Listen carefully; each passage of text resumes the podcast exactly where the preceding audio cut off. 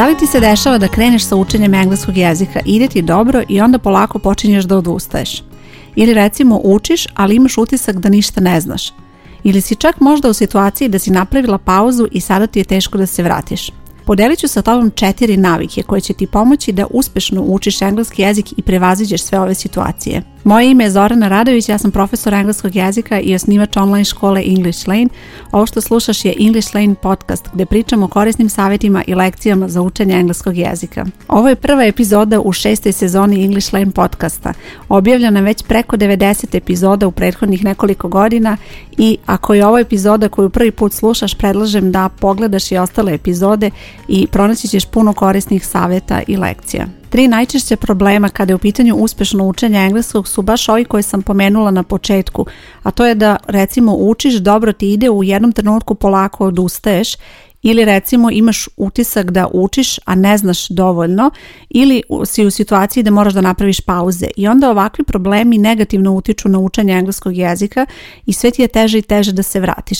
Ono što je rešenje za tvoju situaciju je da stekneš dobre navike koje će ti pomoći ne samo da imaš dobar kontinuitet kada je u pitanju učenja engleskog, već i da učiš na zaista jedan uspešan način. Kada kažem uspešno učenje, mislim pre svega da učiš na takav način da razumeš sve ono što učiš, da se osjećaš lepo dok učiš i da se osjećaš sigurno da sve to upotrebiš u konverzaciji. Da bi to ostvarila, potrebno je da stekneš četiri dobre navike za učenje engleskog i znam da možda neće biti lako da odjednom stekneš sve ove navike, ali probaj postepeno da razmišljaš o njima i da ih polako implementiraš u tvoj proces učenja, kao što ću ih ja i ovdje analizirati jednu po jednu u ovoj epizodi, jer je ovo nešto što će ti omogućiti da zaista uspješno učiš engleski. Navika broj 1. Kvalitetno učenje engleskog.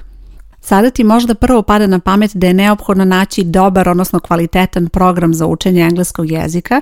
i naravno da dobar program jeste bitan, ali kada kažem kvalitetno učenje engleskog jezika, ja u stvari govorim o tebi tvoj tvojoj navici, o tvom stavu kada učiš engleski jezik. Tvoj pristup, odnosno način na koji učiš engleski jezik mora da bude kvalitetan da bi ti uspešno naučila engleski jezik. Lakše mi je da ovo objasnim kroz jedan primjer. Kada učiš engleski, učit ćeš recimo neku lekciju i onda ćeš posle te lekcije imati zadatak da uradiš neko vežbanje. I vrlo često se dešava da tvoj fokus bude da ti naučiš tu lekciju i da onda uradiš uspešno to vežbanje. Iako to jeste važno, naravno to je korak u učenju, to ne sme biti tvoj fokus i to ne sme biti tvoj primarni cilj. Bilo koju lekciju kada učiš engleski jezik ti učiš zbog konverzacije. Dakle, upotreba jezika, bilo pisana, bilo usmena, ta konverzacija je ono što je tebi cilj i svaku lekciju, svako vežbanje radiš zbog toga. Dakle, nemoj da razmišljaš o vežbanju kao o nekom konačnom cilju i da razmišljaš, ok, uradila sam ovo vežbanje i to je to ja sam uspešno naučila, jer to nije uspešno dok god ti to ne možeš da upotrebiš u konverzaciji moraš da uvek možeš da upotrebiš ono što učiš u konverzaciji. Bez ikakve pomoći, bez gledanja u beleške, bez gledanja u lekcije, u rečnik, već jednostavno da se osloniš samo na svoje znanje. To je ono što je odlika kvalitetnog učenja. E sad, kako steći naviku kvalitetnog učenja engleskog jezika? Kada učiš engleski jezik, imaju u vidu da su lekcije, vežbanja, pa čak i završiti neki kurs, da su to sve samo koraci na putu za učenje engleskog jezika i da u stvari tvoj glavni cilj treba da bude upotreba engleskog jezika.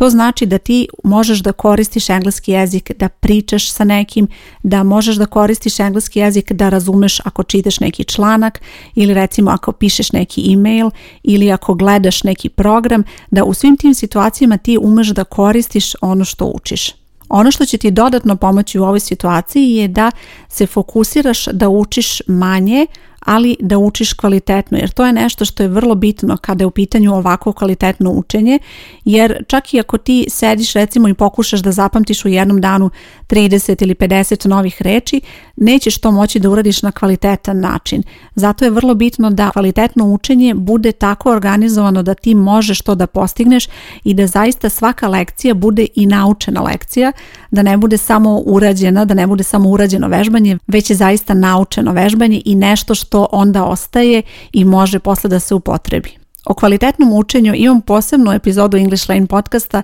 i ostavit ću link na ovoj stranici da možeš da preslušaš detaljno o tome kako funkcioniše ceo proces, ali daću ti ovdje i nekoliko savjeta kako to da ostvariš i na šta da se fokusiraš kada želiš da učiš engleski kvalitetno i da razvijaš ovu naviku. Prvo što treba da uradiš je da učiš engleski postupno i da pratiš program kursa koji pohađaš. Bitno je da naučiš svaku lekciju koja je tu i da ih učiš onim redom kojim su date jer verovatno postoji neki razlog zašto se uče tim redom, dakle da ne učiš bez nekog posebnog reda jer će ti onda biti mnogo teže. Druga stvar je da kada radiš vežbanja ili zadatke, to jest aktivnosti za proveru, obavezno radiš te aktivnosti bez ikakve pomoći, jer na taj način ti pokazuješ ono što zaista znaš i uviđaš ono što možda ne znaš i na šta možda treba da se vratiš i da obnoviš. Ovo su dve najbitnije stavke kada je u pitanju kvalitetno učenje, ali ukoliko želiš da preslušaš detaljnije o cijeloj ovoj ideji, ostavit ću na ovoj stranici gdje slušaš podcast link da možeš da preslušaš i tu epizodu,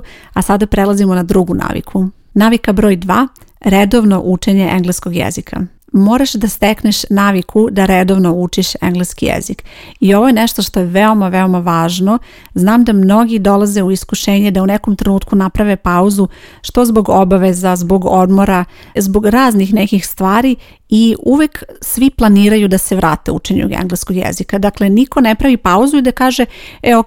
na neodređeno pravim pauzu ili sada prekidam sa učenjem pa ću nastaviti kad stignem, nego svi imaju neki plan, nastavit ću za mjesec dana, nastavit ću za dva meseca, nastavit ću kad se završi odmor ili tako dalje ali ono što je problem u toj situaciji je da uprko toj želji u toku te pauze ti gubiš rutinu, gubiš ono sve što si stekla, gubiš sigurnost i to je nešto što te kasnije sputa i kasnije ti napravi problem i jednostavno mnogo ti je teško da se vratiš, pogotovo što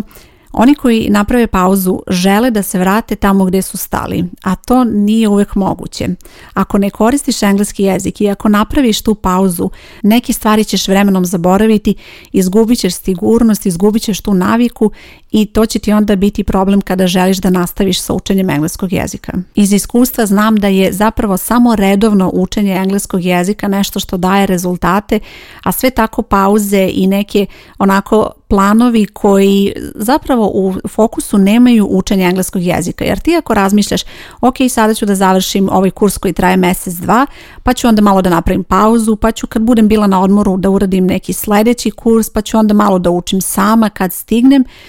ti si u situaciji da ti zapravo ne prioritizuješ engleski jezik i da ti ne praviš od toga sebi neku naviku i rutinu i to je nešto što će te zaista sputati, odnosno nećeš moći da ostaviš toliko dobre rezultate kao što je to moguće ako učiš redovno.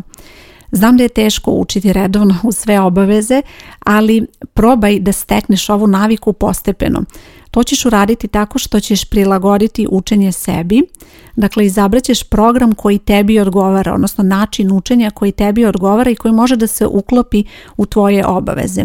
To znači da možeš da učiš engleski jezik i kada radiš, da možeš da učiš engleski iako si na odmoru, da možeš da učiš engleski i u toku zime i u toku leta, dakle da se ti faktori ne utiču na to da ti staneš sa učenjem engleskog jezika, već da jednostavno to bude neka tvoja aktivnost koju ćeš redovno raditi i samo imaju u vidu kada kažem redovno učenje ne znači da treba da učiš svaki dan i da treba da svaki slobodni trenutak posvetiš učenju engleskog jezika, nego razmišljaj o učenju engleskog jezika kao recimo kada bi se prijavila da ideš na časove klavira ili recimo kada bi trenirala jogu, znači to je nešto što bi ti radila u nekim određenim intervalima u toku nedelje i vremenom bi stekla sigurnost u tu veštinu koju razvijaš, recimo ako ideš na jogu dva puta nedeljno, vremenom bi postala sve bolje u tome i vremenom bi to postala neka tvoja navika, nešto što jedva čekaš da radiš. I isto je sa engleskim jezikom probaj da stekneš naviku da učiš engleski jezik redovno jer to je nešto što će ti omogućiti zaista sjajne rezultate. U mojoj školi mi se dešavalo da imam polaznice koje imaju puno obaveza i neke od njih su odlučile da nastave sa učenjem engleskog jezika i da uklope učenje i uče recimo dosta sporije nego što je to očekivano i nego što su one same to planirale, a imam polaznice koje su odlučile da odustanu pa bi se vratile učenju kada se steknu neki bolji uslovi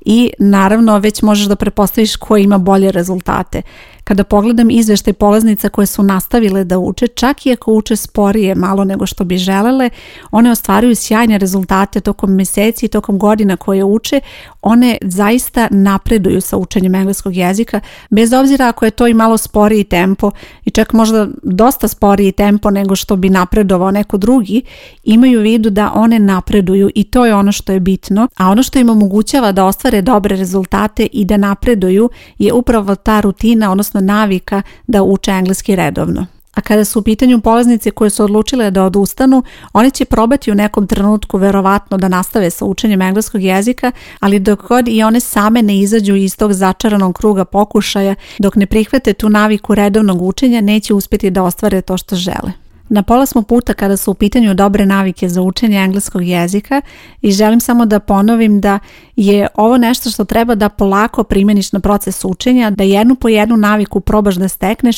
i to ne mora biti ovim redom kojim ja pričam, možeš krenuti od navika koje su tebi najlakše i najbrže da ih primjeniš u tvoj proces učenja. Navika broj 3. Aktivno učenje engleskog jezika. Aktivno učenje engleskog je učenje gdje ti odmah koristiš sve ono što učiš. Dakle, ništa od lekcija i od nekih definicija i pravila koje učiš u engleskom jeziku ne učiš samo da bi ih zapamtila, sve to učiš da bi odmah upotrebila i to je ono što ti treba da uradiš kada učiš engleski jezik. Svaku novu lekciju koju učiš, svaku novu reč koju naučiš na engleskom probaj da odmah ubaciš u upotrebu i da razmisliš koje su to situacije kada možeš to da upotrebiš, u kojim situacijama bi ti to bilo korisno, na koji način bi ti to prilagodila nekoj tvojoj situaciji. Na ovaj način kada ovako razmišljaš, ti odmah koristiš pre svega ono što učiš, to je naravno prvi glavni razlog, a drugi je da ti na ovaj način